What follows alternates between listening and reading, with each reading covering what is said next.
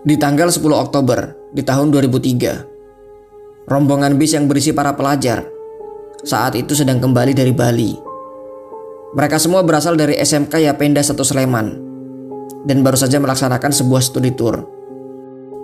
Rombongan itu terbagi dalam tiga bis yang semuanya berisi para pelajar dan juga beberapa guru. Para penumpang di masing-masing bis itu berjumlah lebih dari 50 orang. Dan setelah kunjungan terakhir selesai, yaitu mendekati jam 3 sore. Mereka pun akhirnya akan kembali pulang ke Yogyakarta. Di sepanjang perjalanan, sebenarnya bis ketiga dari rombongan itu beberapa kali mengalami kendala. Dua kali bis itu mengalami pecah kaca. Serta sempat, pada saat di perjalanan, bis itu tersangkut dengan sebuah kabel listrik. Dan begitu pun pada saat perjalanan pulang. Ketika mereka baru saja sampai di Gilimanuk, bus ketiga kembali mengalami kendala. Yang akhirnya, bis pertama dan bis kedua yang menyeberang duluan. Bis itu menyeberang dengan menggunakan kapal feri, menyeberang dari Gilimanuk menuju ke Tapang. Setelah menyeberang, bis kedua terlebih dahulu jalan di depan.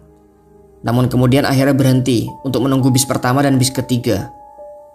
Mereka pun akhirnya melanjutkan perjalanan. Dan kembali lagi, bis ketiga mengalami masalah. Yang kemudian diketahui, masalahnya adalah pada rem yang beberapa kali gagal berfungsi. Namun kemudian dapat diatasi dan mereka pun melanjutkan perjalanan itu. Dan sementara itu, dari arah berbeda, yaitu dari arah barat, sebuah truk kontainer sedang mengisi bahan bakar yang kemudian diketahui truk itu bertukar supir dengan supir cadangan. Rupanya sang supir utama ingin beristirahat, yang kemudian akhirnya ia tertidur di truk itu. Ketika memasuki tanjakan Python, truk kontainer tersebut menambah kecepatan, yang tujuannya untuk menambah tenaga menaiki tanjakan tersebut. Dan kemudian, akhirnya memasuki jalan menurun dengan tikungan yang cukup tajam. Perlu kalian ketahui bahwa lokasinya adalah di kawasan Banyu Blugur di wilayah Situbondo di mana di daerah tersebut terdapat sebuah PLTU dengan nama PLTU Python. Inilah detik-detik di mana tragedi ini bermula. Dengan kecepatan yang tinggi, truk kontainer itu menyalip kendaraan di depannya. Namun sialnya, di saat truk itu harus kembali ke jalurnya, tepat di depannya ada sebuah gundukan pasir yang justru membuatnya banting setir dan malah kehilangan kendali. Sementara tepat dari arah berlawanan, tiga bus yang beriringan sedang melaju. Mereka pun juga menyalip sebuah truk dengan tipe kol diesel. Dan sebenarnya mereka langsung kembali ke jalurnya. Namun tak lama setelahnya, truk kontainer yang kehilangan kendali itu mengarah tepat ke arah mereka.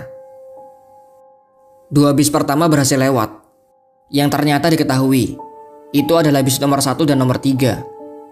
Namun naas bagi bis nomor dua yang kini justru ada di paling akhir. Truk kontainer itu langsung memotong jalurnya. Tabrakan itu tak bisa terhindarkan. Benturan itu begitu keras, yang membuat tangki bahan bakar kemudian terbakar karena gesekan antar besi. Api kemudian dengan cepat langsung menjalar ke bagian depan. Dan belum sampai di situ, truk all diesel yang ada di belakang mereka langsung menghantam bagian belakang bis. Sehingga posisi bis itu menjadi tercepit di tengah dengan truk kontainer yang ada di depan dan truk all diesel yang ada di bagian belakang. Pada saat itu, para pelajar ini sebenarnya masih selamat. Melihat api yang mulai menjalar masuk ke kabin bagian depan, mereka semua panik. Benar-benar panik. Dan kemudian berlarian, bertumpuk di bagian belakang.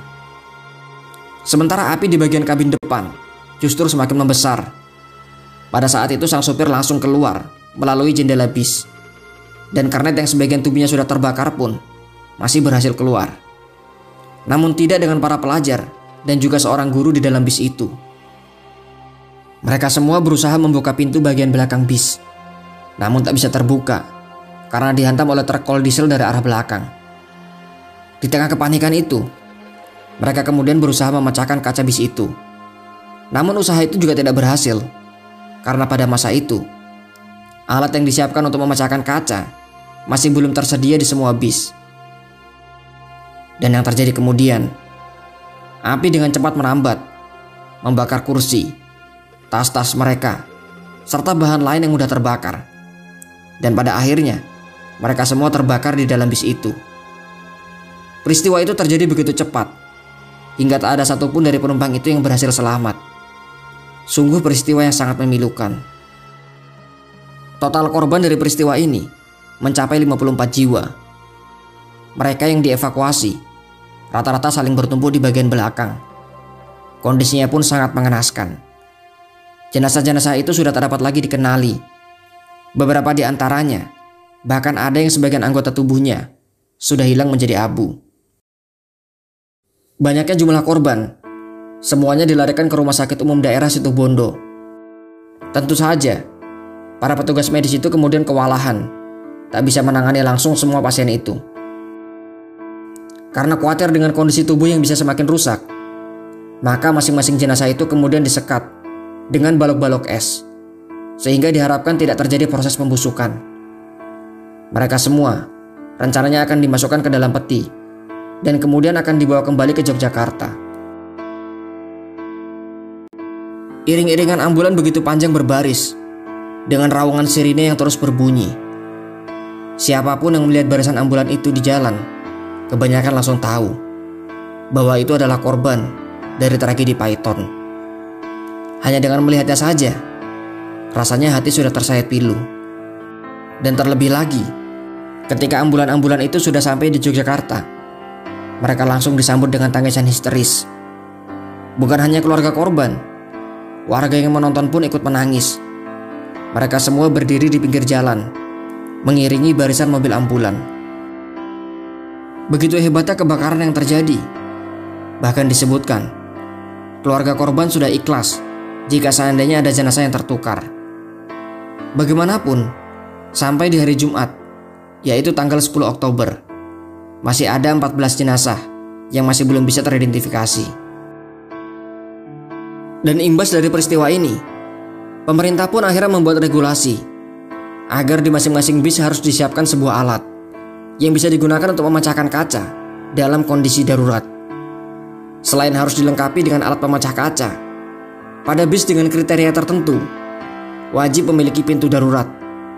Tentu saja dengan regulasi seperti ini, diharapkan jumlah korban akan minim jika seandainya terjadi kasus serupa. Dan itulah kisah mengenai tragedi Python. Tragedi maut yang tak akan pernah dilupakan dan semoga peristiwa semacam itu tak akan pernah terulang kembali.